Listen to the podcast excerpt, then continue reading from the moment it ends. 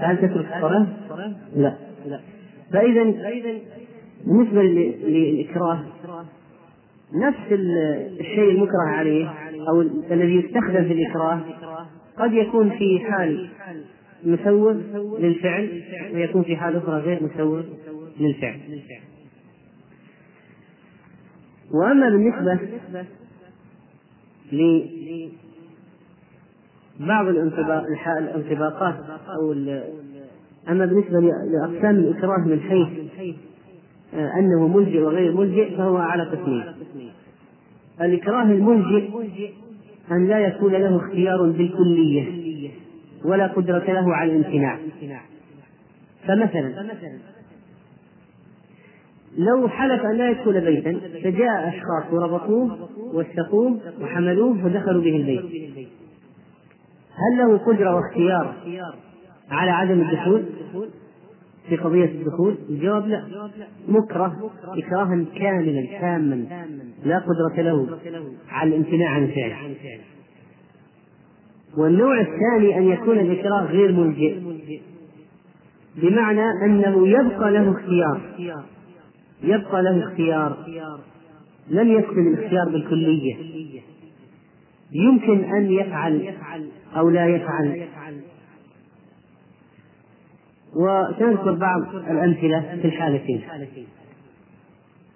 أما بالنسبة للإكراه الملجئ الذي لا اختيار له بالكلية ولا يقدر على الامتناع عن الشيء كما كما ذكرنا حلف أن لا يدخل بيتا فحمل بالقوة وأدخل. أو أنه رفع أمسك به ورفع وضرب ألقي على طفل فمات الطفل مثلا. أو أضجعت المرأة فاغتصبت زني بها أمسكت أو قيدت. ما لها اختيار لا يمكن أن تدفع عن نفسها. فهؤلاء لا إثم عليهم بالاتفاق. والشخص الذي حلف أن لا يدخل البيت فأدخل بالقوة. لا لا يعتبر حانثا ولا تلزمه الكفارة وقال بعضهم إن الكفارة على المكره الذي أكرهه. وقال الإمام أحمد رحمه الله في رواية إذا أكره امرأته على الوقت في رمضان أو في الإحرام فإن عليه كفارة ولكن ما حكم فعلها هي؟ ما حكم الإحرام؟ وما حكم الصيام؟ عندهم أنها أنه يفسد يفسد لكن ليس عليه يعني الصيام مثلا أكرهها على الوقت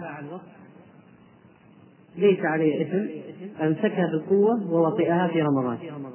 ليس عليه إثم وليس عليها كفارة لكن عليها القضاء. وبعض العلماء يقولون ليس عليها شيء. يقول المكره ما عليه حتى فعله يبقى صحيح لأنه ليس له ذنب. أما بالنسبة للإكراه الذي يمكن للإنسان أن يفعل أو لا يفعل. فهذا فهذا بحسب الشيء الذي أكره عليه. فمثلا لو قيل له إن لم تقتل فلان فلانا قتلناه. يمكن أن يقتل يمكن أن لا يقتل. أليس كذلك؟ لم يحمل ويلقى على رأس إنسان. فيقتل بسبب هذه الرمية أنه رمي. فصار كالآلة ليس له مقاومة ولا امتناع ولا قدرة على الدفع. وإنما قيل له إن لم تقتل قتلناه. هذا صحيح إكراه لأنه يعني مهدد بالقتل. لكن يمكنه أن يفعل ويمكنه أن لا يفعل. فإذا هذا ليس بإكراه تام لأن بقي بقي عنده قدرة والتكليف متعلق بالقدرة. إذا في مجال هنا في مجال هنا في قضية التكليف يتعلق به التكليف. ومن أكره على قتل معصوم معصوم الدم فإنه لا يجوز له قتله مطلقا. هذا إجماع العلماء المعتد بهم. لأن الأرواح في الشريعة متساوية. وليس هناك أي مسوغ شرعي لأن يقدم روحه على روح غيره. فلو قيل له إن لم تقتل فلان مسلم معصوم الدم قتلناه فلا يجوز له أن يقتله. طيب فإذا قتله؟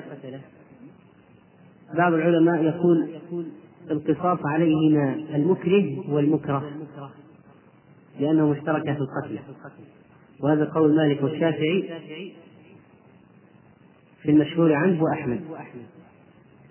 وقيل يجب على المكره فقط لأن المكره صار آلة كالآلة وهو قول أبي حنيفة واحد قولي الشافعي.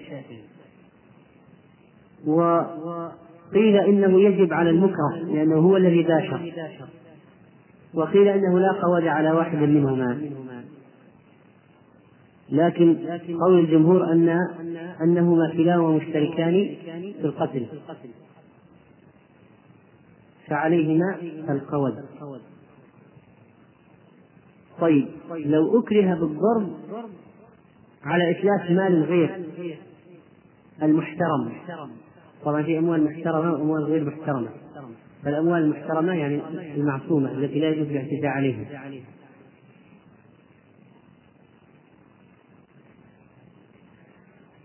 فلو أكره بالضرب على أن أن يتلف مال غيره فهل يجوز له أن يتلفه أم لا؟ فيه قولان لأهل العلم. فبعضهم يقول يباح له ذلك وبعضهم يقول لا يباح له ذلك. فإن أتلفه فعليه الضمان. على المكره والمكره.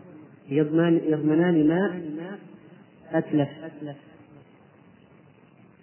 طيب إذا كان أكره على شيء ليس ضرره متعديا إلى غيره. ما في قتل شخص آخر ولا إتلاف مال آخر ولا الزنا بامرأة أخرى بامرأة ولكن مثلا قيل له؟ إذا ما شربت الخمر مثلا قتلناه. إذا أكره على شرب الخمر.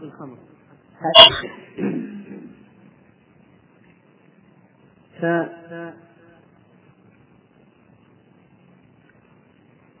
قال بعض العلماء إنه يباح له شربه. لأن هذا أخف الضررين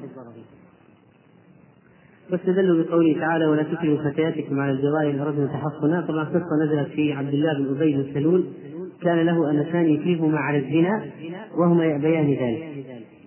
فنزل فيه قول الله عز وجل. هذا قول الجمهور وهو أن الخمر شرب الخمر أخف الضررين يعني أخف من أن يقتل فيجوز له ذلك. لكن لو صبر وما شرب وقتل هل هو انتحار؟ لا وإنما هو أخذ بالعزيمة فهو مأجور. طيب. القول الثاني أنه لشرب الخمر يحد ولا يجوز له أن يشرب الخمر. لأنهم يقولون أصحاب القول الثاني هؤلاء يقولون السقي الإكراه في الأقوال وليس في الأفعال. يعني إذا أكره أن يقول كلمة الكفر. نعم. وليس في الفعل. يعني أن يشرب الخمر أن يزني. هذه أفعال لا يدخل فيها الإكراه. يصبر على القتل وهو مأجور. لا يجوز له أن يفعل. الحرام. لكن المرخص فيه الشريعة الكلام. إذا قالوا اكفر وإلا قتلناك تلفظ بكلمة الكفر فإنه يتلفظ بكلمة الكفر يتلفظ بكلمة الكفر ولا إثم عليه. وهذا عليه الدليل. الصحيح وهو قول الله تعالى إلا من أكره وقلبه مطمئن بالإيمان. لأنه لأنهم أخذوا عمار بن ياسر المشركون وهددوه وعذبوه حتى وافقهم على الكفر. فلما ذهب واخبر النبي صلى الله عليه وسلم قال له إن عادوا فعد. مع أنه نال من النبي عليه الصلاة والسلام. لكن في هذه الحاله في هذه الحالة يستخدم المعاريض. فلو قالوا له قل كفرت بالله. فيقول كفرت بالله ويقصد بالله اسم فاعل لها يلهو فهو لاهي وليس لفظ الجلالة فإن قالوا له سكن وقل كفرت بالله. فإنه يقولها ويتأول وجها من أوجه اللغة وهو أن الوقوف على معتل الآخر هذا يجوز فيه حذف آخره. كما قال الله عز وجل فاقض ما أنت قاض. وهي قاضي. فيتأول هذا الوجه من أوجه اللغة ويقول كفرت بالله. يعني هو اللاهي لكن لما وقف جاز أن يحدث حرف العلة. طبعا من المكرهين هذول من اللي يفكر في أوجه اللغة ويعرف؟ لكن إذا صار عنده علم صار عنده اختيارات مجال أوسع. العلم يقول العلم يوسع الآفاق ويجعل عند الإنسان مجال رحم. الجهل يجعله في حرج وضيق عظيم. طيب لو قال قائل أجزتم له أن أن يكفر؟ طبعا باللسان ولا القلب لابد يكون مطمئن بالإيمان. فماذا تقولون؟ في قوله صلى الله عليه وسلم لا تشركوا بالله وإن قطعتم وحرقتم. لا تشركوا بالله وإن قطعتم وحرقتم. كما وصى النبي صلى الله عليه وسلم بعض بعض أصحابه.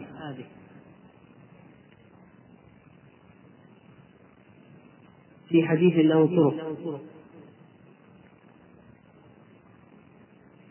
وقال الله إن جاهدك على أن تشرك بما ليس لك بعلم فلا تطعهما.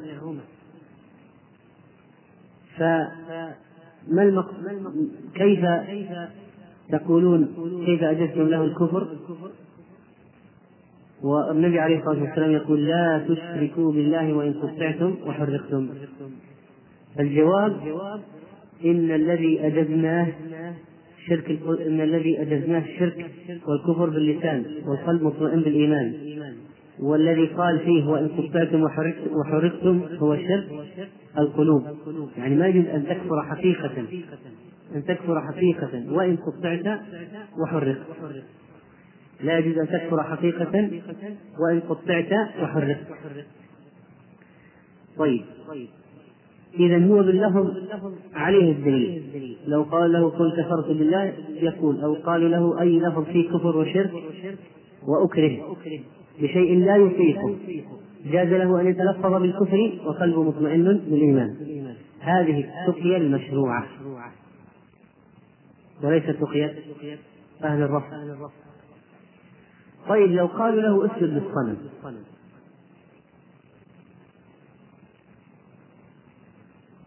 فعل وليس بقول. فبعضهم قال إن الإكراه فقط بالقول. بالفعل لابد أن يصبر على القتل. وبعضهم قال يشمل ذلك الفعل ما دام قلبه مطمئن بالإيمان. فإن كان الصنم في جهة القبلة سجد قاصدا السجود لله عز وجل. ويقول سبحان ربي الأعلى. و... وإن كان في غير القبلة قال بعضهم حتى لو كان في غير القبلة يسجد. رحمك الله يسجد قاصدا السجود لله. وقد ورد أن صلاة النافلة تصلى إلى غير مثل السفر تصلى إلى غير القبلة. فهذا يعني حال شديد. فلو سجد لله نيته لله لغير القبلة فلا بأس.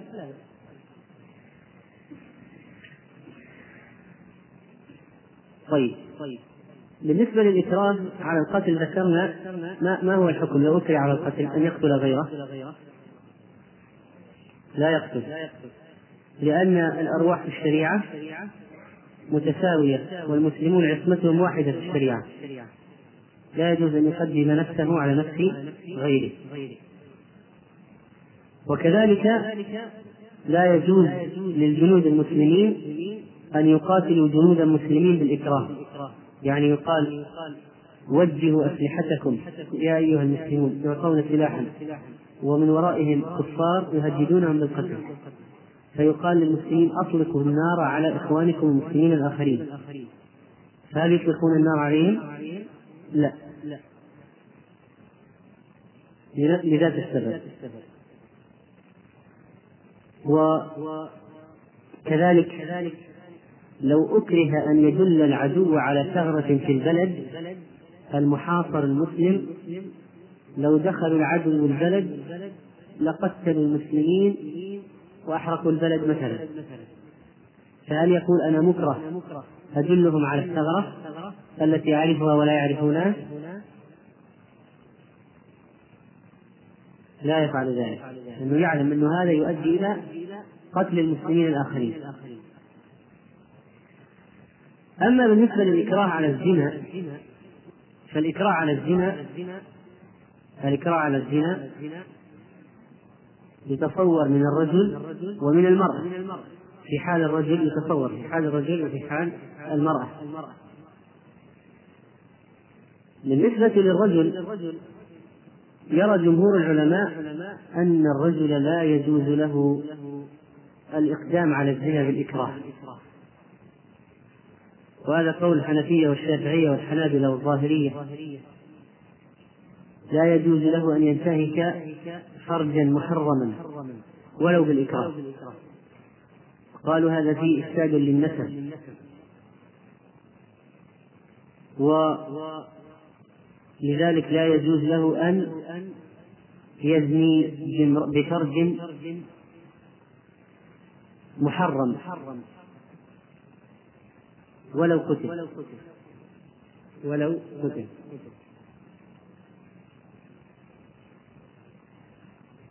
أم هذا بالنسبة للرجل. أما بالنسبة للمرأة فإذا أكرهت على الزنا بها فأيهما يتصور فيه القدرة على الامتناع أكثر؟ الرجل أو المرأة؟ الرجل. الرجل يتصور فيه القدرة على الامتناع عن الفعل في الزنا أكثر من المرأة. ولذلك شددوا في الرجل أكثر من المرأة. وبعضهم ساوى بينهم. إنه لا يجوز. طبعا هذه إذا كان لها اختيار أما قلنا إذا صارت مربوطة لا يمكن أن تختار شيئا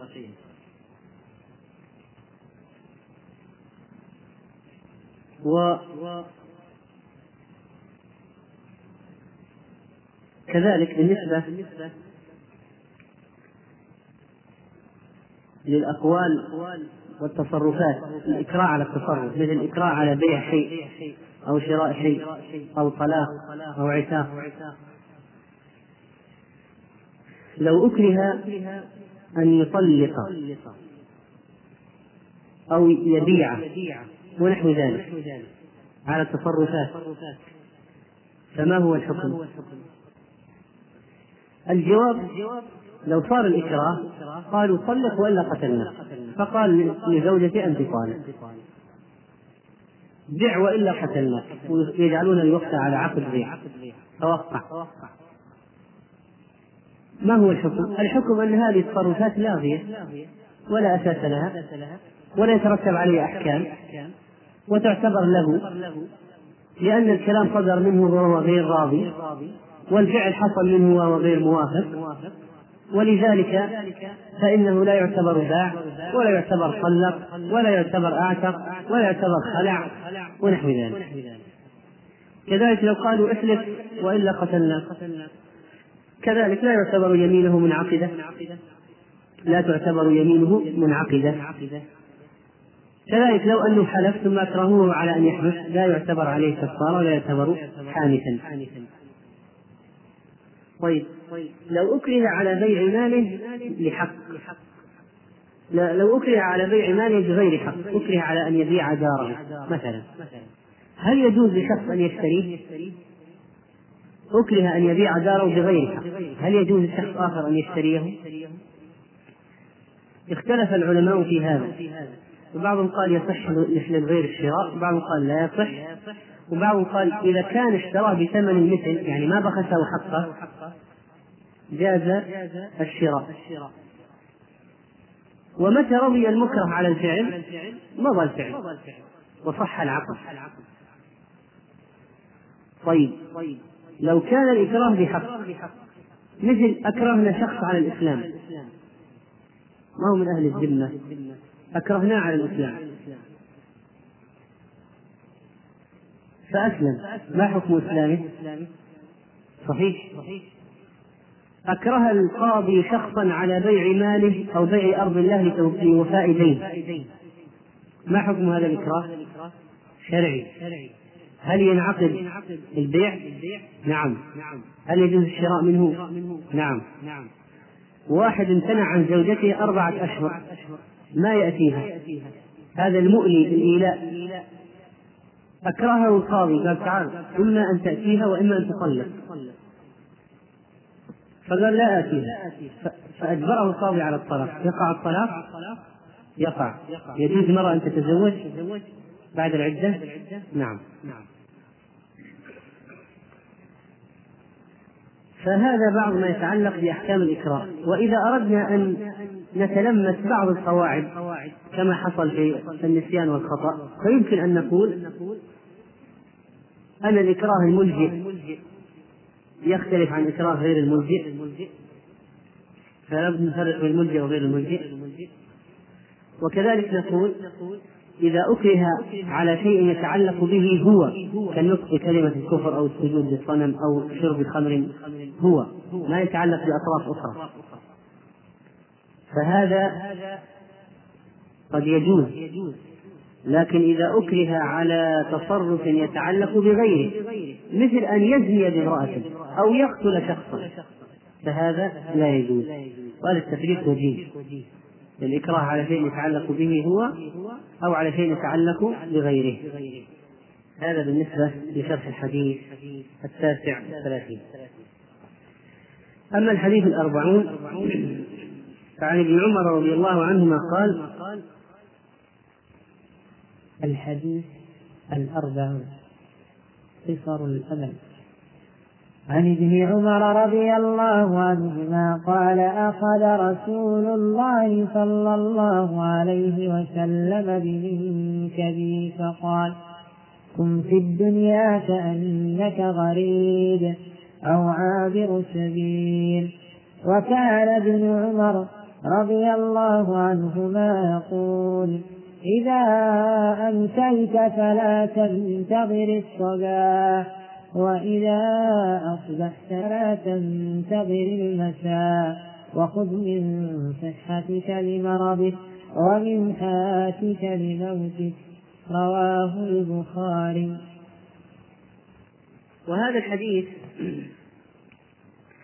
رواه أيضا جماعة من العلماء. فممن رواه أيضا الترمذي وابن ماجه والبغوي وغيرهم عدد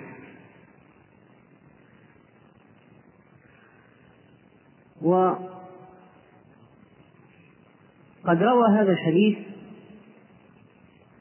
البخاري عن علي بن المديني حدثنا محمد بن عبد الرحمن الصفاوي حدثنا الأعمش حدثني مجاهد عن ابن عمر. قال أخذ رسول الله صلى الله عليه وسلم بمنكبيه. وتكلم عدد من الحفاظ في لفظة حدثنا مجاهد وقالوا غير ثابتة. وإن الأعمش لم يسمع هذا الحديث من مجاهد فكيف يقول حدثني مجاهد؟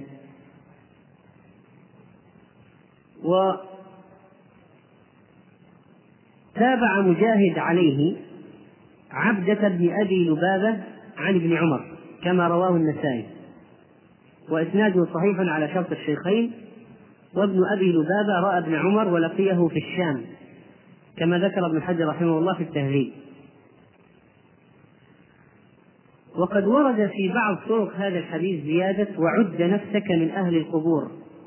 وعد نفسك من أهل القبور. يعني كن في الدنيا كأنك غريب أو عابر سبيل وعد نفسك من أهل القبور. وهذه الزيادة ضعيفة لأنه تفرد بها ليث بن أبي سليم. وقد اختلط جدا ولم يتميز حديثه المختلط من غير المختلط فترك. و هذا الحديث أصل في قصر الأمل في الدنيا. وأن المؤمن لا ينبغي أن يتخذ الدنيا سكنا ولا موطنا ويطمئن ويركن إليها. وإنما ينبغي أن يكون فيها كأنه على جناح سفر يهيئ جهازه للرحيل.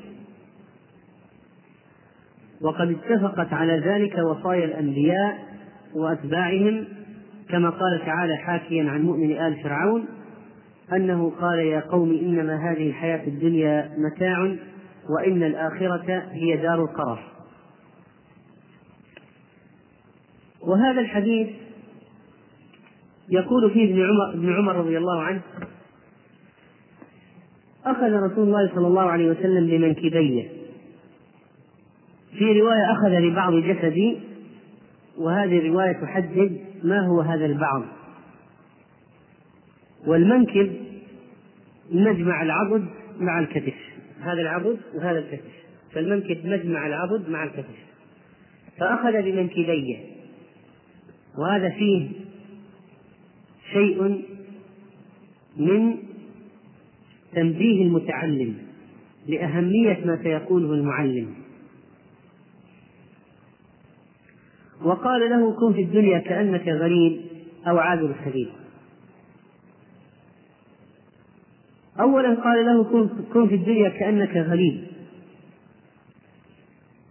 الغريب إذا جاء في بلد لا يطمئن فيها ولا يسكن ويتعلق وإنما يريد الرجوع إلى موطنه لأن الإقامة مؤقتة وليست دائمة.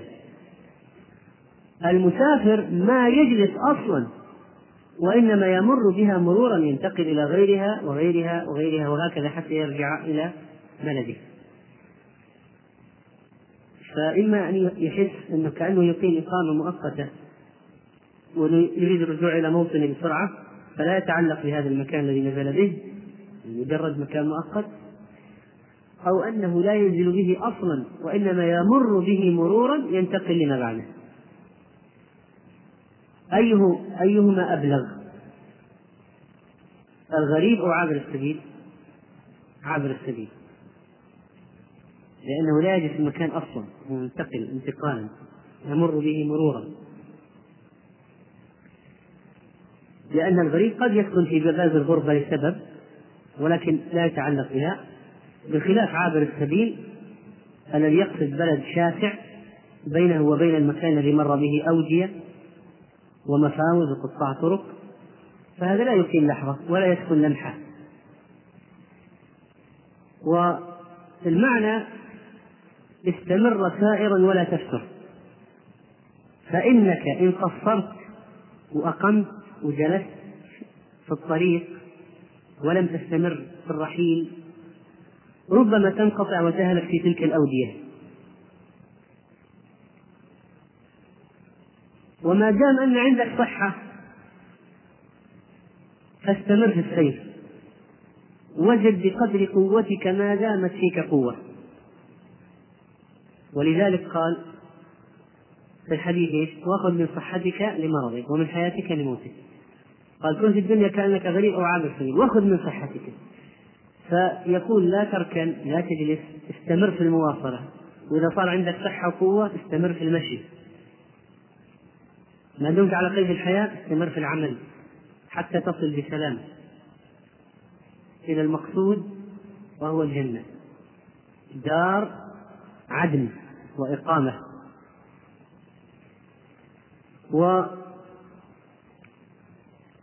والمعنى الإجمالي لهذا الحديث كما قال البطال رحمه الله لما كان الغريب قليل الانبساط إلى الناس بل هو مستوحش منهم. إذ لا يكاد يمر بمن يعرفه مستأنس به لا يكاد يمر بمن يعرفه فهو ذليل في نفسه خائف وكذلك عابر السبيل لا ينفذ في سفره إلا بقوته وتخففه من الأثقال. وفي هذا إشارة إلى إيثار الزهد في الدنيا وأخذ البلغة منها والكفاف. فكما لا يحتاج المسافر إلى أكثر مما يبلغه إلى غاية سفره فكذلك لا يحتاج المؤمن في الدنيا إلى أكثر ما يبلغه مما يبلغه المحل. فهل ترى المسافر إذا أراد أن يسافر إلى بلد آخر بعيد أخذ معه كل المتاع أو أنه يأخذ فقط ما يبلغه الزاد لأنه لو أخذ كل المتاع ينقطع به في الطريق. لا يستطيع أن يواصل السير. فيقول إذا أنت مسافر من الدنيا إلى الآخرة ما دمت في سفر لا تكثر من الدنيا وتحمل نفسك من متاع الدنيا أشياء فربما ينقطع بك الطريق ولا تصل إلى شاطئ السلامة. وإنما تغرق في هذه الأوحال وهذا الطين الدنيوي. وقال النووي رحمه الله معنى الحديث لا تركن إلى الدنيا ولا تتخذها وطنا ولا تحدث نفسك بالبقاء فيها ولا تتعلق منها بما لا يتعلق به الغريب في غير وطنه. وقال غيره عابر السبيل هو المار على الطريق طالبا وطنه فالمرء في الدنيا كعبد أرسله سيده. كعبد أرسله سيده في حاجة إلى غير بلده فماذا عليه أن يفعل؟ أن يبادر بفعل ما أرسل فيه ثم يعود إلى وطنه ولا يتعلق بشيء غير ما هو فيه لو أرسل السيد عبده إلى بلد لحاجة ماذا يفعل العبد؟ يقضي الحاجة ويعود مسرعا لا يجلس هناك ويسكن بل يقضي الحاجة ويرجع فكذلك الإنسان في الدنيا جعله الله فيها للعبادة ثم هو يمر منها إلى الآخرة. وقال بعضهم المراد أن ينزل المؤمن نفسه في الدنيا منزلة الغريب فلا يعلق قلبه بشيء من بلد الغربة بل قلبه متعلق بوطنه الذي يرجع إليه. وين الوطن؟ عند الله ليس هنا. ويجعل إقامته في الدنيا ليقضي حاجته فقط وجهازه للرجوع إلى وطنه. وهذا شأن الغريب فإقامة مؤقتة لأجل العودة إلى المكان الأصلي والموطن الأول مكان الإقامة. أو الحديث يقول له كن كالمسافر لا يستقر في مكان بعينه بل هو دائم السير إلى بلد الإقامة. وخذ من صحتك يعني في زمن صحتك لمرضك. بحيث لو حصل تقصير في المرض اشتغل في الصحة بالطاعة. بحيث لو قصرت في المرض يكون عندك رصيد. وخذ من حياتك لموتك لأنك لا تدري ماذا تكون غدا هل أنت من الأحياء أو من الأموات. فما دمت حي اشتغل وتزود للموت من هذه الحياة. كما جاء في الحديث الصحيح اغتنم خمسا قبل خمس. شبابك قبل هرمك وصحتك قبل سقمك وغناك قبل فقرك وفراغك قبل شغلك وحياتك قبل موتك. وهذا الحديث يدل على أن العاقل ينبغي له أن يقصر الأمل لا يقول سأعيش وأمكث ما يدري. ما يدري ربما مكتوب الليلة في ديوان الموتى. أنه في الغد لن يكون في ديوان الأحياء وإنما يكون في ديوان الموت فإذا أصبحت لا تنتظر المساء وإذا أمسيت لا تنتظر الصباح لأنك في الصباح قد تكون من الموتى. واعمل ما تلقى نفعه بعد موتك. فإن الإنسان قد يقرأ عليه قارئ يقعده في الفراش. فلا يستطيع الحركة لا يستطيع الدعوة وطلب العلم لا يستطيع العبادة والقيام والذكر والتلاوة كما هو معتاد عليه. فإذا مرض ندم أنه فرط في حال الصحة. وإذا مات ندم ندما عظيما لأنه فرط في حياته. ولو قال إنسان هل هذا الحديث يعارض قول النبي صلى الله عليه وسلم إذا مرض العبد أو سافر كتب الله له ما كان يعمل صحيحا مقيما؟ الجواب لا يعارض. لأن حديث ابن عمر وخذ من صحتك لمرضك في من لم يعمل في حال صحته هذا يندم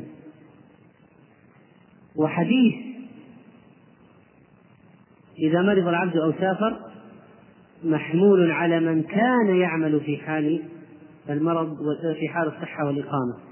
فإذا مرض أو سافر كتب له من الأجر مثل ما كان يعمل صحيحا مقيما.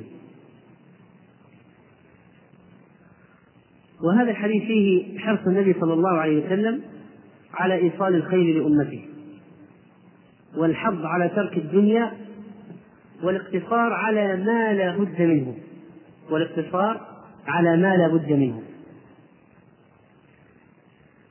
وكان السلف رحمهم الله يحرصون على تطبيق هذا المفهوم.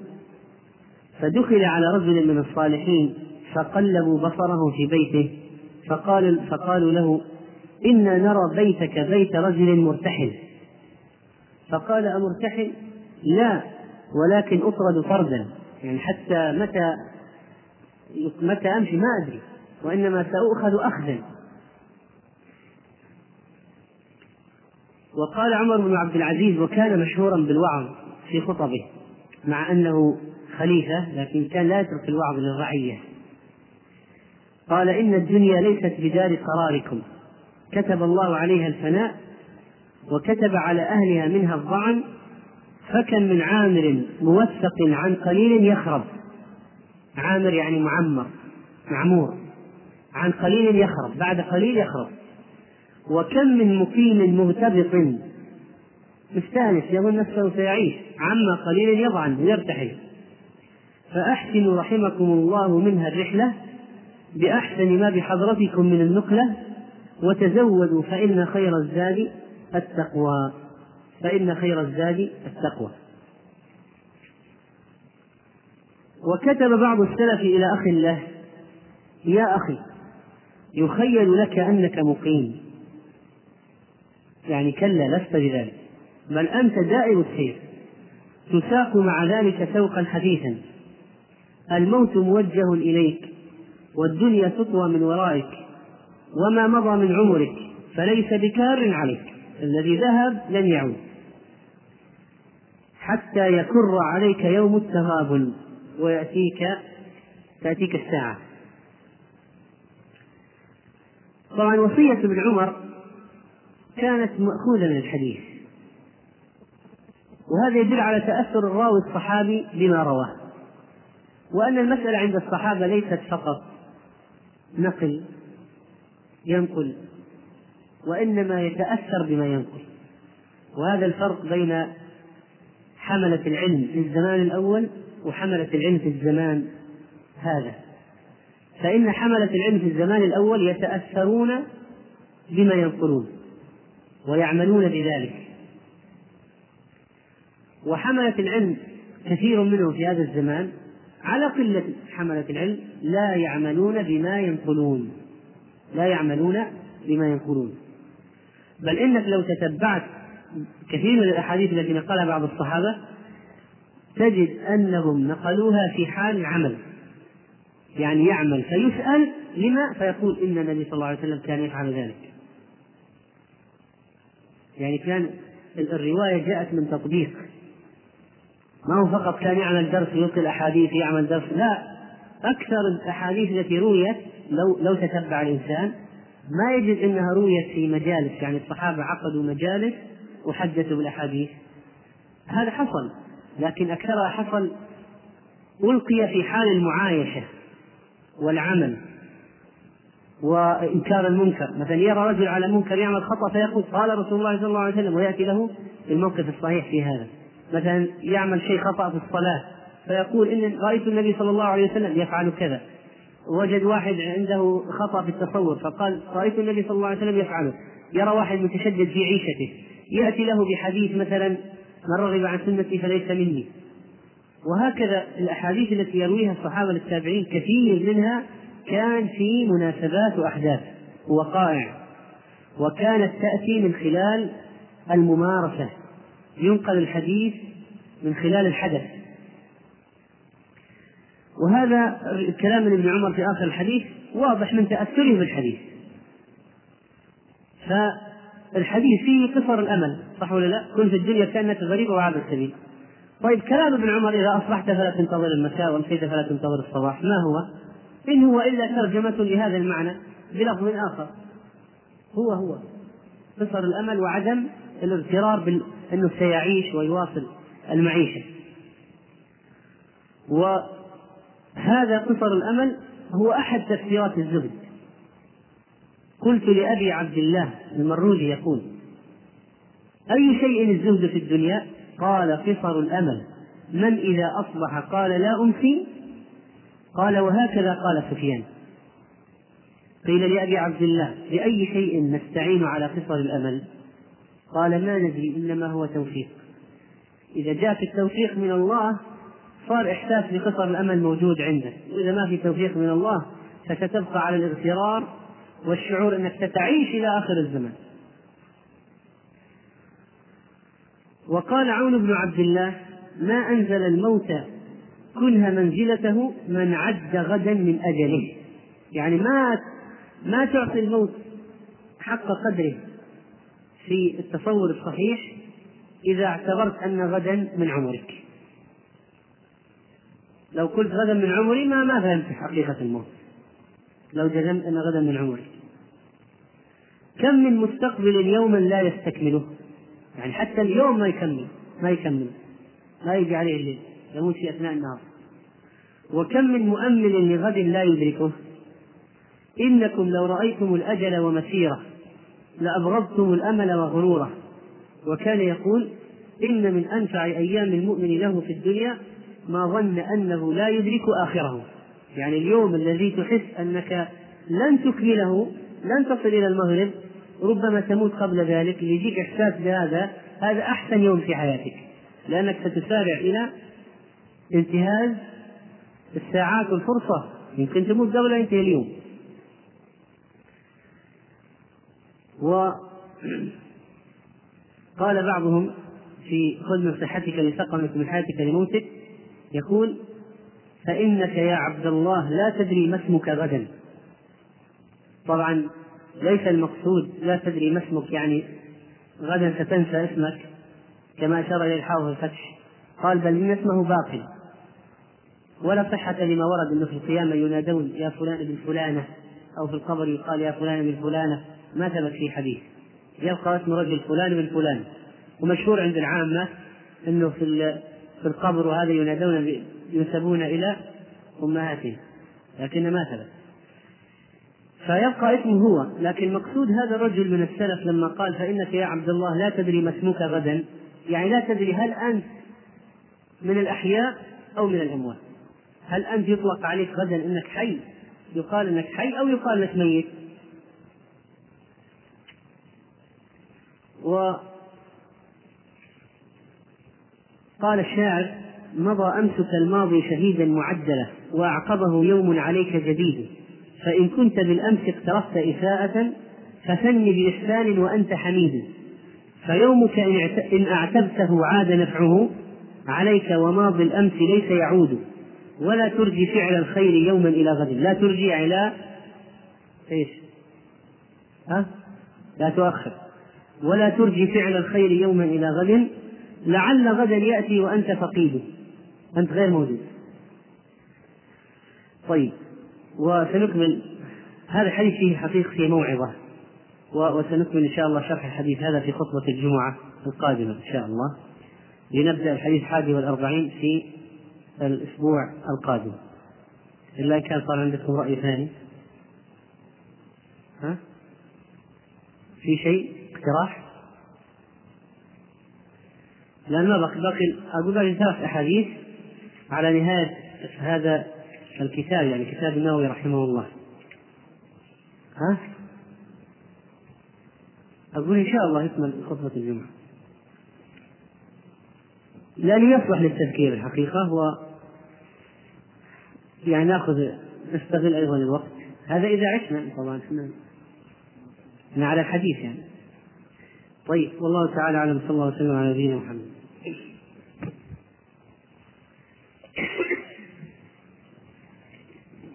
الحمد لله رب العالمين. وصلى الله وسلم وبارك على نبينا محمد وعلى آله وصحبه أجمعين. وبعد. الحديث الحادي والأربعون. عن عبد الله بن عمرو بن العاص رضي الله عنهما قال الحديث الحادي والأربعون هو المؤمن. عن أبي محمد عبد الله بن عمرو بن العاص رضي الله عنهما قال قال رسول الله صلى الله عليه وسلم لا يؤمن أحدكم حتى يكون هواه. حتى يكون هواه تبعا لما جئت به. حديث حسن صحيح. رويناه في كتاب الحجة بإسناد صحيح. والمقصود بكتاب الحجة هو كتاب الشيخ أبي الفتح نصر بن إبراهيم المقدسي الفقيه الزاهد. واسم كتابه الحجة على تارك المحجة. ويتضمن ذكر عقيدة أهل السنة والجماعة. وهم أهل الحديث. وهذا الحديث قد أخرجه الحافظ أبو نعيم في كتاب الأربعين الذي اشترط فيه أن تكون هذه الأربعين من الصحاح والجياد وكذلك خرجه الطبراني رحمه الله تعالى. ورواه كذلك أبو بكر بن عاصم الأصبهاني. وهذا الحديث قال عنه ابن رجب رحمه الله تصحيح هذا الحديث بعيد جدا من وجوه. بعيد جدا. يعني الحديث هذا ضعيف. لا يثبت ونختصر العلل التي ذكرها بثلاث. أولها ضعف نعيم بن حماد. فإن هذا الرجل وإن كان صلبا في السنة شديدا على أهل الأهواء لكنه كان يهم وله مناكير وبعضهم ضعفه وقال بعضهم ليس بثقة ويكثر التفرد وقد يصل أحاديث يوقفها الناس يعني تكون موقوفة فيقول يرويها هو مرفوعة. من من الذي رواه نعيم بن حماد؟ عن من؟ عن عبد الوهاب الثقفي. عبد الوهاب الثقفي. قال ابن رجب رحمه الله قال, قال وأين كان أصحاب عبد الوهاب الثقفي؟ وأصحاب هشام بن حسان وأصحاب ابن سيرين عن هذا الحديث حتى يتفرد به نعيم. لماذا لم يروه الآخرون غير نعيم؟ هؤلاء لهم تلاميذ كثر. لماذا لم يروي إلا نعيم؟ تفرد به. فإذا هو هذا علة. أولا تفرد نعيم محمد بهذا الحديث. ورجل مع صلاحه وصلابته في الدين لكن في الرواية شيء آخر. شيء. رواية شيء يختلف عن الجهاد والمصابرة. قد يكون الشخص ضعيف الحفظ مثلا يهم مع أنه صل في الدين فينبغي عن الخلط هذا بهذا. ثانيا أنه قد اختلف في الرواية على نعيم في هذا الحديث. فروي عن نعيم عن الثقفي عن هشام. وروي عن نعيم عن الثقفي حدثنا بعض مشيختنا هشام أو غيره. فمن يكون شيخ الثقفي في هذه الحالة؟ غير معروف العين. هشام أو غيره؟ غير معروف العين. هذا شيخ الثقفي طيب. وروي عن نعيم عن الثقفي حدثنا بعض مشيختنا. هذا الآن مجهول. تماما. حدثنا هشام أو غيره. شو الاضطراب. إذا هذه علة ثانية ثالثا الانقطاع بين عقبة بن أوس وعبد الله بن عمر راوي الحديث. لأنه عن عقبة بن أوس عن عبد الله بن عمر. تكملة السند. عن عقبة بن أوس عن عبد الله بن عمر. وقيل إنه لم يلقوا فهو إذا منقطع. فإذا هذا لأجل ذلك يبعد أن يكون هذا الحديث صحيح. يبعد جدا. وكذلك ضعفه جماعة من العلماء من المعاصرين حكم عليه الشيخ الألباني أيضا. بالضعف وذكره في ذكر العلل في المشكاة وكذلك في تعليقه على أبي عاصم وبلال الجنة في تخريج السنة كتاب السنة لابن أبي عاصم. لكن معنى الحديث لا يؤمن أحدكم حتى يكون هو تبع لما جئت به. معناه صحيح؟ لا الحديث ضعيف لكن المعنى صحيح. المعنى قد جاء بهذا المعنى آيات وأحاديث. قد جاء بهذا المعنى آيات وأحاديث. فما هو المعنى؟ لا يؤمن أحدكم لا يكون مؤمنا. كامل الإيمان الواجب وليس المستحب. لأن الإيمان له كمالان كمال واجب وكمال مستحب. فالكمال المستحب لو ما حصل هل يأتم الإنسان؟ لا مثل النوافل تكمل الإيمان من كمال الإيمان المستحب. لو ما قام بها لا يأتم لكن كمال الإيمان الواجب. لا بد من تحصيله. الكمال الواجب لا بد من تحصيله وإلا أثم. لا يؤمن أحدكم. يعني الإيمان لا يكون كامل الإيمان الواجب حتى تكون محبته تابعة لما جاء به الرسول صلى الله عليه وسلم من الأوامر والنواهي. فيحب ما أمر به النبي عليه الصلاة والسلام ويكره ما أمر به وما نهى عنه النبي صلى الله عليه وسلم. فإذا قلنا لا يؤمن يعني على وجه التمام وليس المقصود نفي الإيمان عنه بالكلية لأنه قد يكون فاسق يعمل معاصي. فهذا لا ينفي عنه الإيمان بالكلية فإذا لا يؤمن يعني لا يتم له الإيمان الواجب إلا إذا كان هواه تبعا لما جاء به النبي صلى الله عليه وسلم طيب متى ينتفي عنه الإيمان بالكلية؟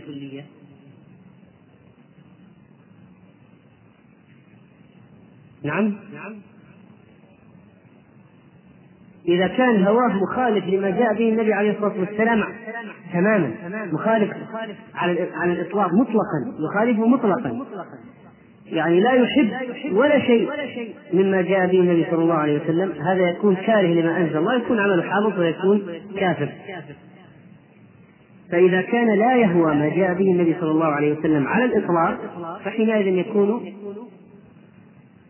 يكون كارها لما أنزل الله فيكون كافرا خارجا عن المله طيب. هذا المعنى وهو لا يكون مؤمنا كامل الإيمان إلا إذا كان هواه موافق لما جاءت به السنة لما جاء به النبي صلى الله عليه وسلم. قد جاءت به آيات وأحاديث كما ذكرنا مثل قوله سبحانه وتعالى فلا وربك لا يؤمنون حتى يحكموك فيما شجر بينهم ثم لا يجدوا في أنفسهم حرجا مما قضيت ويسلموا تسليما. وقال الله تعالى وما كان لمؤمن ولا مؤمنة إذا قضى الله ورسوله أمرا أن يكون لهم الخيرة من أمرهم. فإذا وصل الإنسان إلى درجة أنه يكره ما جاء به النبي صلى الله عليه وسلم فهذا لا شك في كفره. كما قال الله تعالى ذلك بأنهم كرهوا ما أنزل الله فأحبط أعمالهم. ذلك بأنهم تبعوا ما أسخط الله وكرهوا رضوانه فأحبط أعمالهم. فإذا يجب على كل مؤمن أن يحب ما أحبه الله وأن يكره ما كرهه الله. يحب ما أحبه الله محبة توجب له الانقياد والعمل بهذا الذي أحبه الله. ويكره الذي يكرهه الله كراهية توجب له الانصراف عما نهى الله عنه وترك عدم العصيان. هذا هو المعنى الكامل. طيب إذا صارت المحبة لما جاء به الله لما جاء به النبي صلى الله عليه وسلم عن ربه مرتفعة لدرجة أنه أحب المستحبات وقام بها لا شك أن هذا يكون من كمال الإيمان المستحب.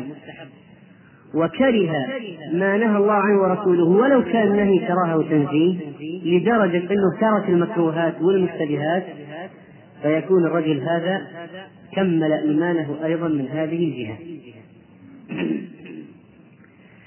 فالمسألة الآن أن المحبة دون تطبيق لا تكون محبة. فلو واحد قال أنا أحب القرآن والسنة لكن ما ما أريد أن يلتزم. نقول هذه محبة مشبوهة. أنت كاذب في محبتك. لو كان حبك صادقا لأطعته. تعصي الإله وأنت تزعم حبه؟ هذا لعمري في الحياة شنيع.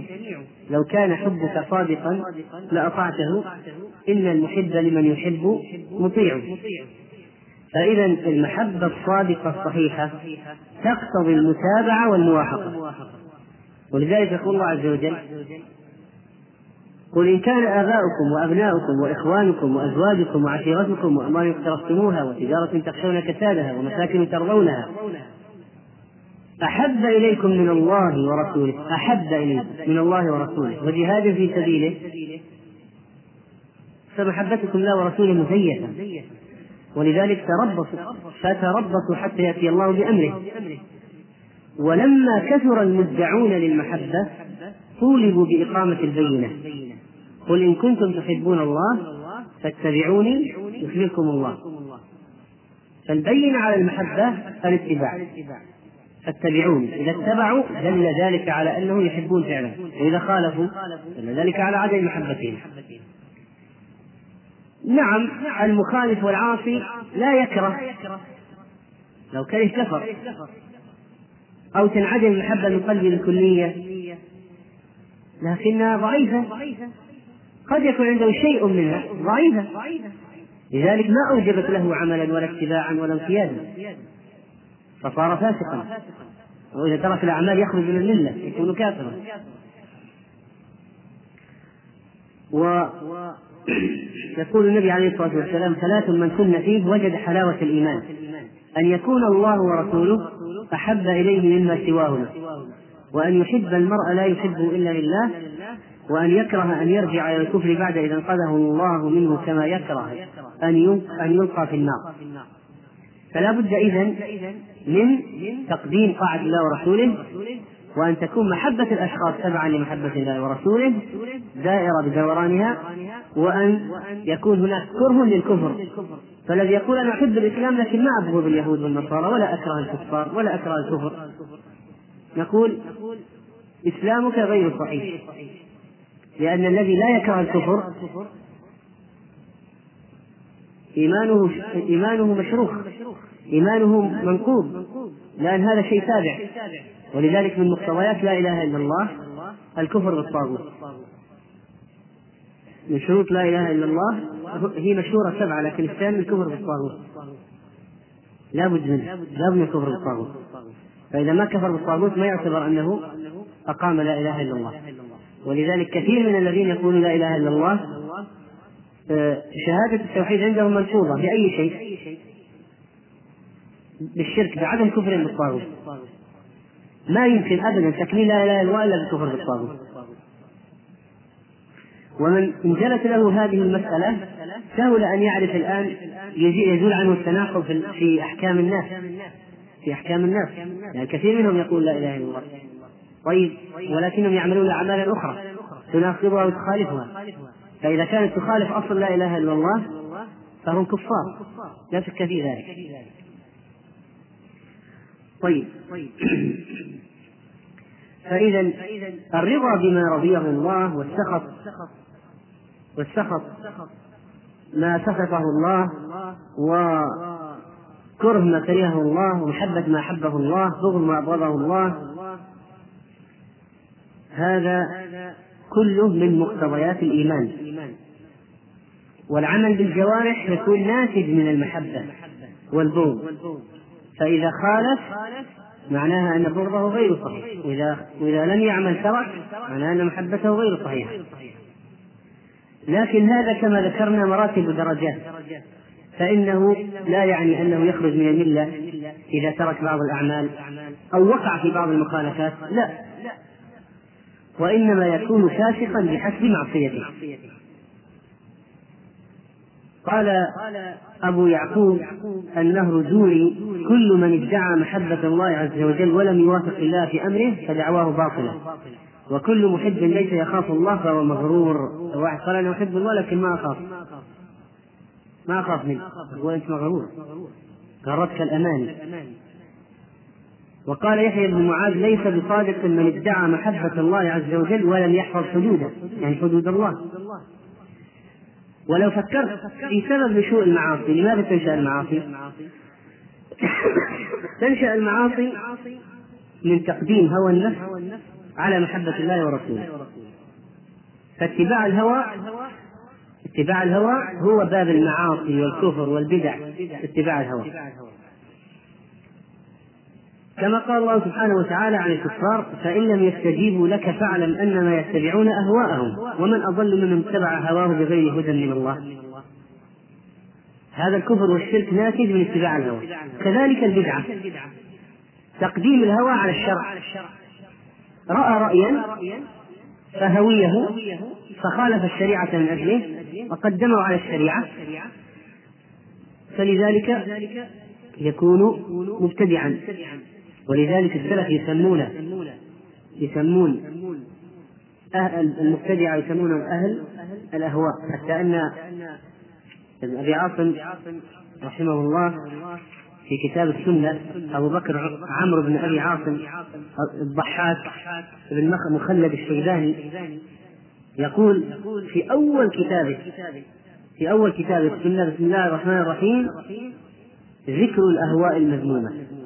نستعصم نستعصم الله تعالى منها ونعوذ به من كل ما يوجب سخطه. أخبرنا هشام بن عمار إلى أن قال عن معاوية بن أبي سفيان قال قال رسول الله صلى الله عليه وسلم يكون أقوام تتجارى بهم تلك الأهواء كما يتجارى الكلب بصاحبه فلا يبقى منه مفصل إلا دخله. المرض الكلب يدخل في جميع الجسم لا يترك مفصل إلا ويدخله.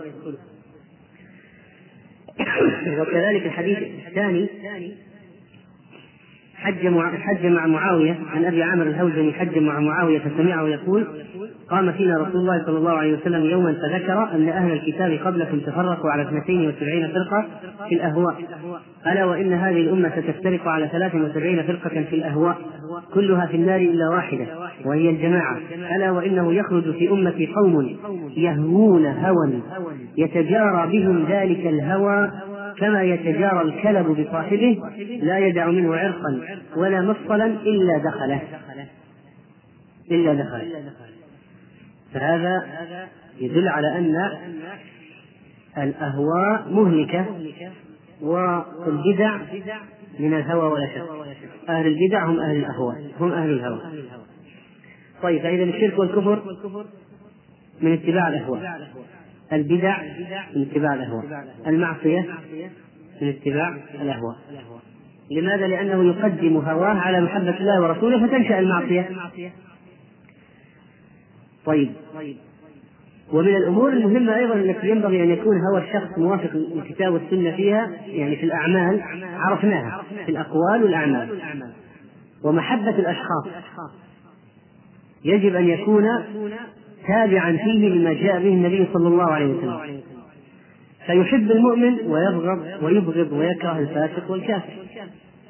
لكن بعض الناس يحبون الفساق يحبون الفساق. وبعضهم يحبون الكفار.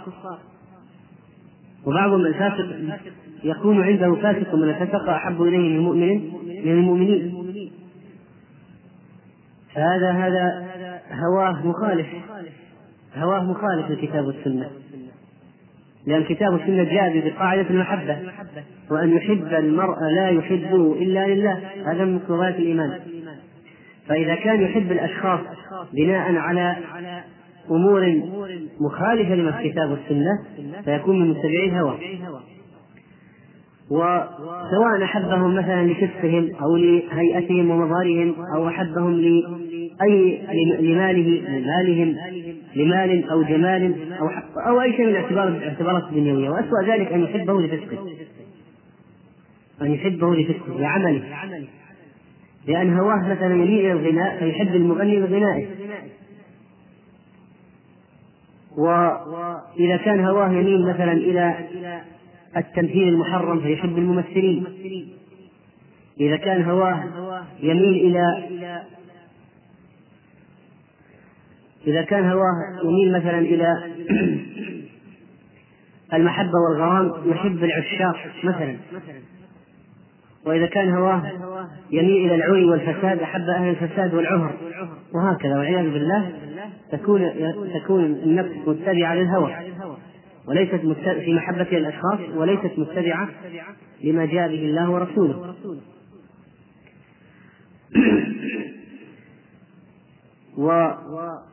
وهذا يبين لماذا يكون بعض الناس عندهم ميل إلى كافر من الكفار.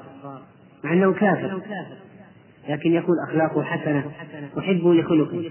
طيب. وماذا بالنسبة لكفره؟ سيئة الكفر أعظم من حسنة الخلق. من حسنة حسن الخلق. بكثير. فما بالك جعلت هذه تطغى على هذه؟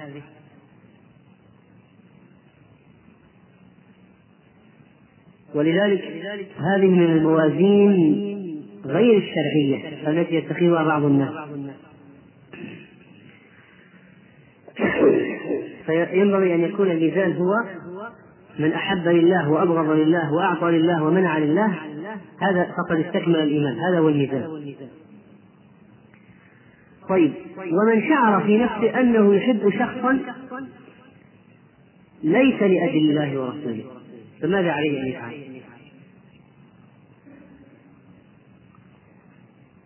أولا هذه معصية. أليس كذلك؟ فإذا عليه أن يتوب منها. من شعر أنه يحب شخصا ليس لأجل الله ورسوله. فيجب عليه أن يتوب منها لأن معصية. يجب. وهذا قل من الناس من يعرفه ويفهمه.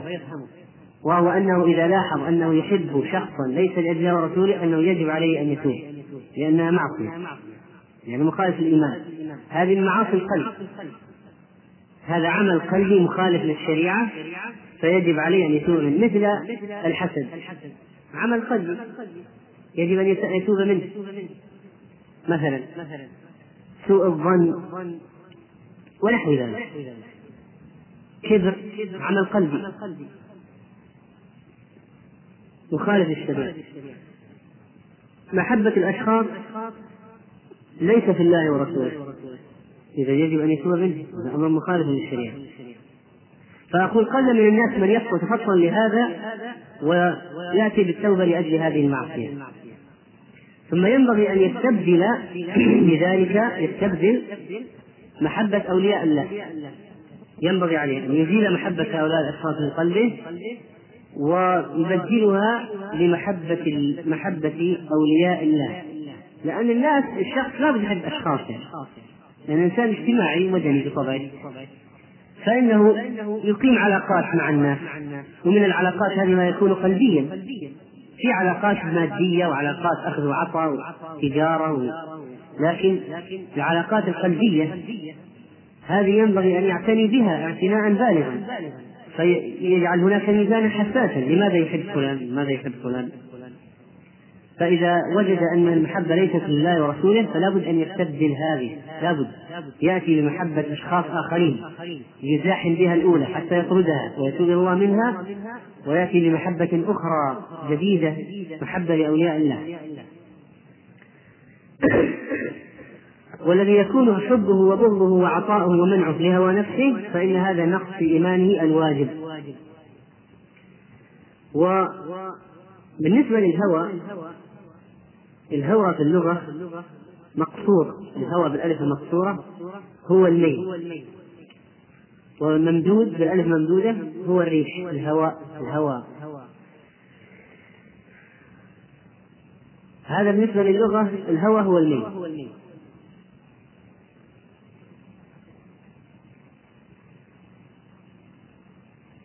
المحبة هذا ما فيها تعلق بالقلب ما فيها تعلق في شيء من يتعلق بالإيمان. يعني مثلا محبة الطعام محبة لون من ألوان الطعام.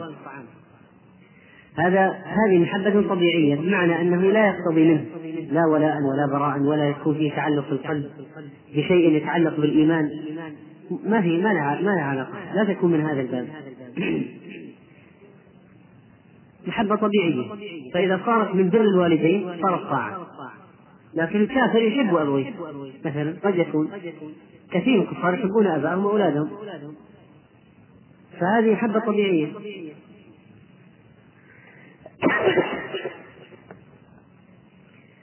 فما هو الاعتبار في محبة الوالدين محبة الأولاد مثلا؟ شيء طبعي طبعي ما الذي يدفع إليه؟ الطبع. ولا لا؟ لكن محبة الفساق محبة فاسق أو عاصي. أو أنه مثلا أحب امرأة لشهوة هل يكون هذا المحبة الطبيعية؟ لا لأن هذه فيها مخالفة للشريعة. المحبة الطبيعية ما فيها مخالفة للشريعة. إذا أحب لونا من الطعام طبعا الطعام المباح طبعا. أو أحب أباه وأمه أو ليس على سبيل البر وإنما لأنه أنجباه وتعلق تعلق بهما وارتضى عن ثديها وأنفق عليه أو أحب ولده. ولده فلة كبده من نسله. قطعة منه. هذه حبة طبيعية. ما الدافع إليها؟ النفس يعني الطبع الموجود في النفس. الطبع. ما هو الهوى؟ ليس بالهوى. لكن الطبع. إنما إذا أحب شيئا مخالفا للشريعة فالدافع إليه هو الهوى. لا شك. لأن الفطر السليمة لا لا توجد مثل هذه المحبة. لكن الفطر السليمة توجد محبة الوالد والولد. لا لا لا ولا يعكر على ذلك ولا يضاد الفطر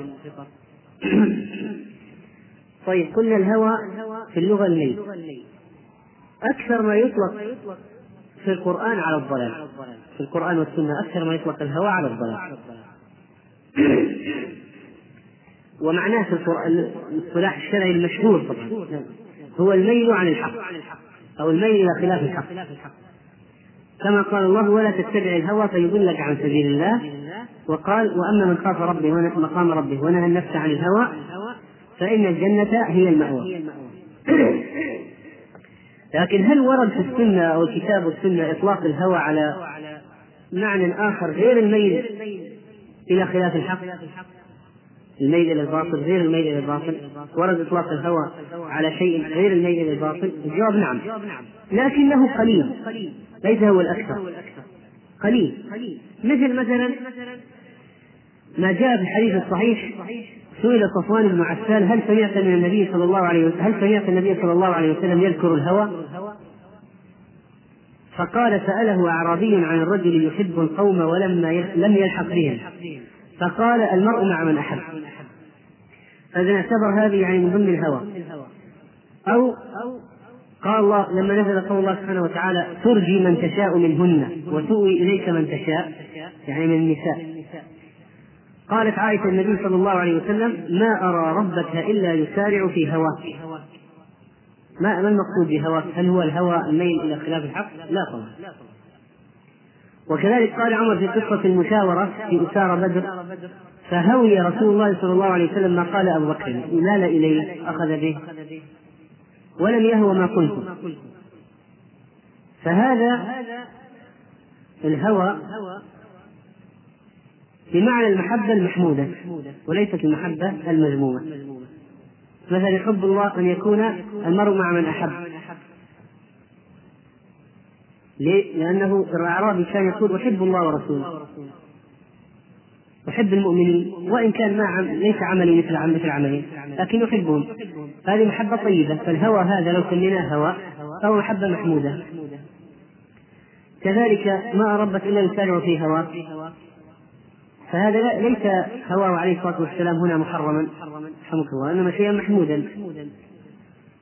طيب فإذا هذا قليل ليس هو المشهور والأكثر في الاستعمال في الكتاب والسنة يستعمل الهوى بمعنى الميل إلى خلاف الحق الميل إلى الباطل. وقد كان النبي عليه الصلاة والسلام يستعيذ بالله من الأهواء ومن الهوى كما جاء أو كذلك روى ابن أبي عاصم في كتاب السنة باب قوله عليه السلام الاستعاذه من الأهواء. روى عن زياد بن علاقة عن عمه قال كان رسول الله صلى الله عليه وسلم يدعو بهؤلاء الدعوات اللهم جنبني منكرات الأخلاق والأهواء والأجواء وعن أبي برزة الأسلمي قال قال رسول الله صلى الله عليه وسلم إن مما أخشى عليكم بعدي بطونكم وطروجكم ومضلات الأهواء. فإذا هو خشي عليها خشي علي خشي علينا منها وكان يستعيذ بالله منها. وذلك لخطورتها لأن الهوى هذا كلام فيه طويل لكن المقصود يعني الهوى يوجد المهالك ومن أسوأ شيء فيه أنه يعمي الإنسان عن الحق. الهوى يعمي الإنسان عن الحق. ما يبصر الحق. فلذلك لو أنك ناصحته وناقشته وجادلته بالحق ما يرجع ما يرى الحق أصلا من الهوى أعماه لأنه تمكن من قلبه.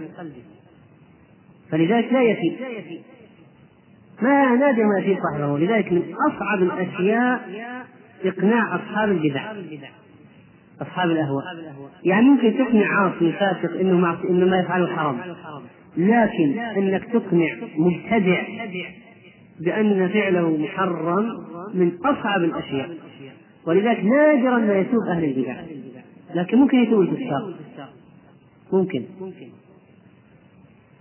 لأن هوى ذاك أعماه. ما يرى شيء. خلاص ما يرى الشر. ما يرى الشر. طيب. نعم. هذا هو الحديث. يقول الرجل يحب القوم ولما ولم يلحق بهم.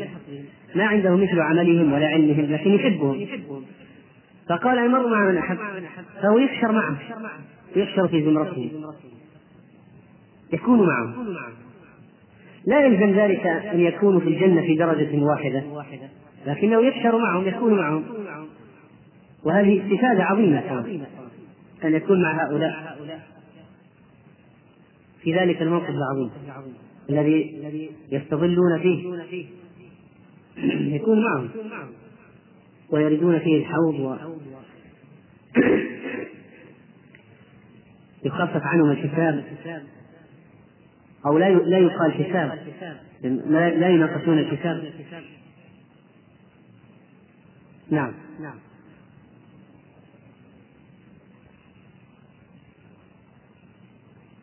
إذا صارت الزوجة يعني والأولاد عصاة. يعني هنا إذا صاروا عصاة يجب عليه أن يكرههم لمعصيتهم. ولكن الشيء الطبيعي من العلاقة هو موجود.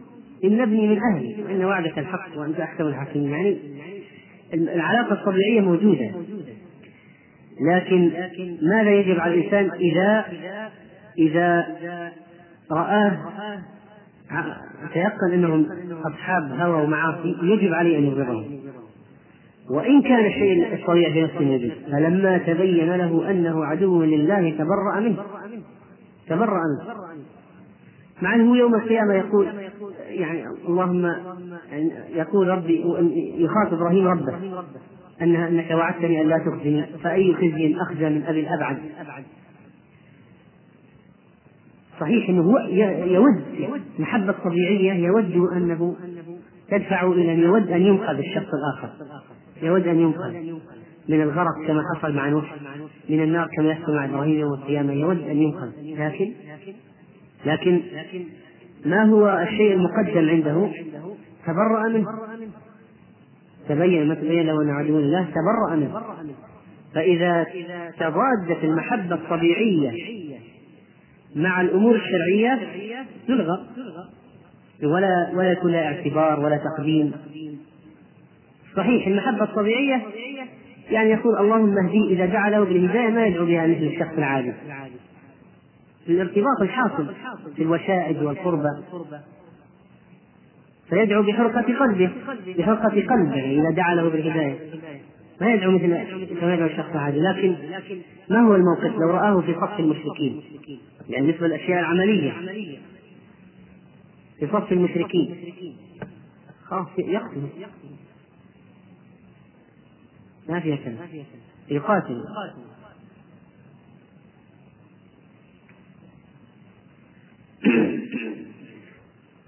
يقول الحديث الثاني والأربعون عن أنس بن مالك رضي الله عنه قال الحديث الثاني والأربعون. عن أنس بن مالك رضي الله عنه قال سمعت رسول الله صلى الله عليه وسلم يقول قال الله تعالى يا ابن آدم إنك ما دعوتني ورجوتني غفرت لك.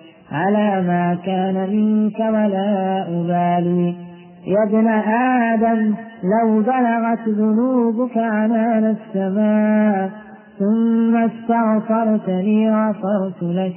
يا ابن آدم إنك لو أتيتني بقراب الأرض خطايا ثم لقيتني لا تشرك بي شيئا لأتيتك بقرابها مغفرة. رواه الترمذي وقال حديث حسن صحيح. وهذا إسناد وهذا الحديث إسناده لا بأس به كما قال ابن رجب رحمه الله تعالى وقد روي موقوفا ومرفوعا فالشاهد أن الحديث محتج به وثابت وهو من الأحاديث القدسية وقد جاء في كتب السنة شواهد له. فمن ذلك ما أخرجه مسلم رحمه الله تعالى في صحيحه من حديث المعرور بن سويد عن أبي ذر عن النبي صلى الله عليه وسلم قال يقول الله تعالى من تقرب مني شبرا تقربت منه ذراعا ومن تقرب مني ذراعا تقربت منه باعا ومن أتاني يمشي أتيته هرولة ومن لقيني بقراب الأرض خطيئة لا يشرك بي شيئا لقيتها لقيته بقرابها مغفرة. لقيته بقرابها مغفرة طيب حديث الباب هذا الذي رواه الترمذي رحمه الله تعالى وغيره. تضمن الأسباب التي تحصل بها المغفرة. إنك ما دعوتني ورجوتني. ثم قال ثم استغفرتني. لاحظ؟ إنك ما دعوتني ورجوتني غفرت لك. بعدين قال ثم استغفرتني غفرت لك. فإذا أسباب المغفرة ما هي؟ ما هي أسباب المغفرة؟ الدعاء مع الرجاء وكذلك الاستغفار وكذلك ماذا قال في الحديث؟ إنك ما دعوتني ورجوتني غفرت لك ثم قال ثم استغفرتني غفرت لك ثم قال لقيتني لا تشرك بي شيئا أتيتك بقراب مغفرة فإذا الدعاء مع الرجاء واحد. والثاني الاستغفار. والثالث والثالث أي نعم أحسنت. أنه التوحيد الذي إذا أتى به ربه فإنه يكون من أسباب مغفرة الذنوب. فإذا الدعاء مع الرجاء ثانيا الاستغفار ثالثا التوحيد. فإذا من عظمة هذا الحديث أنه تضمن ثلاثة أسباب من أسباب المغفرة. الأسباب الثلاثة التي تحصل بها المغفرة. ولنبدأ بأولها وهو الدعاء مع الرجاء. ما حكم الدعاء؟ واجب ولا مستحب ولا مباح؟ واجب. من لم يسأل الله يغضب عليه. فالدعاء واجب. ما هو مستحب واجب يجب. لأن الدعاء هو العبادة. ما في الدعاء ما في عبادة.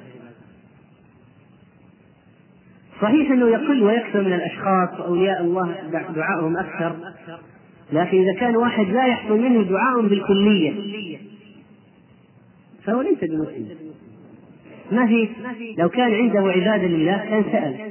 إذا ما سأل أبدا إيش معناها؟ معناه أنه لا يحس لا يحس بالربوبية ولا بالألوهية لذلك ما سأل. لكن إذا أحس بأنه مربوب ومحتاج إلى الخالق سأل. لكن إذا ما سأل أبدا معناها أنه كأنه غير محتاج كأنه يقول أنا غير محتاج لله فإذا الدعاء واجب. وجاء تعريفه بأنه هو العبادة. مثل الحج عرفة.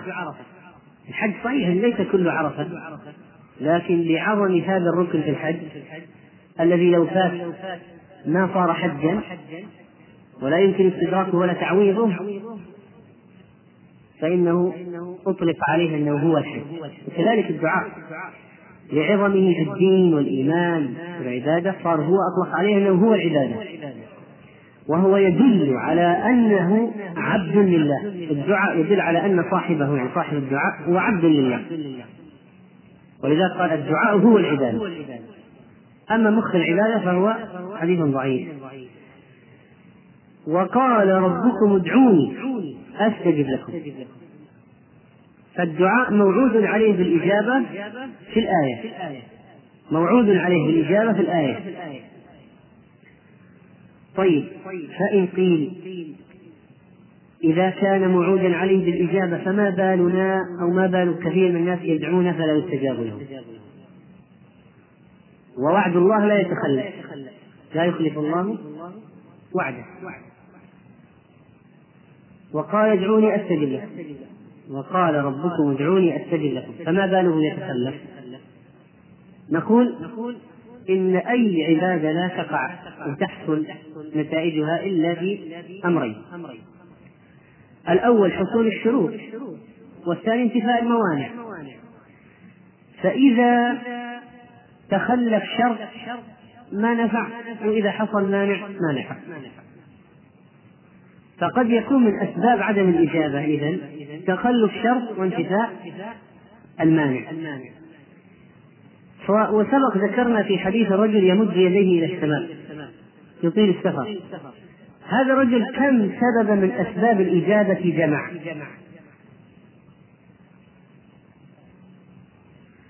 كم سبب من أسباب الإجابة جمع؟ من أسباب الإجابة مو من أسباب الرد. من أسباب الإجابة. كم جمع؟ أربعة؟ طيب.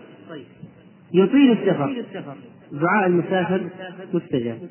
أشعث أغبر والمنكسرة قلوبهم بالأسفار والشعث والتغبير ونحو ذلك من أسباب الإجابة. لذلك ينزل الله إلى السماء الدنيا يعني في عرفة يقول هؤلاء عبادي جاءوني شعثا غبرا بكل فج عين يرجون إذا غفرت لهم. يشهدكم. فإذا إذا صار الواحد ليس متزينا ولا متجملا يعني بعيدا عن الترفه وصار أشعث أغبر من طبعا بسبب شرعي. هو واحد يروح يجيب غبار يحط على رأسه يقول ارفع يديه يدعو.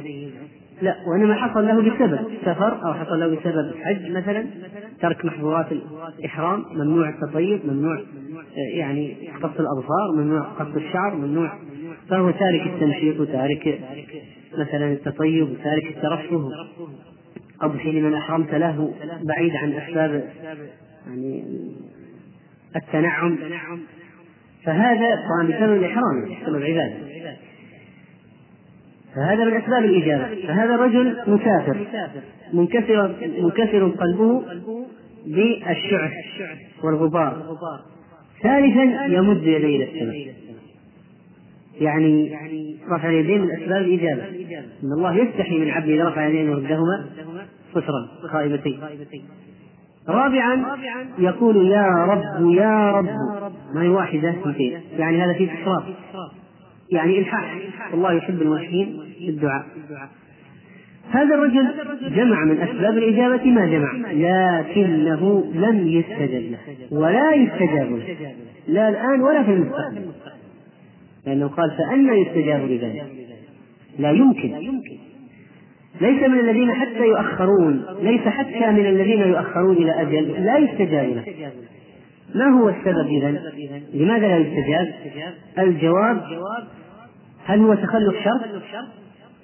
لا حصول مانع من الإجابة في مانع مثل أكل الحرام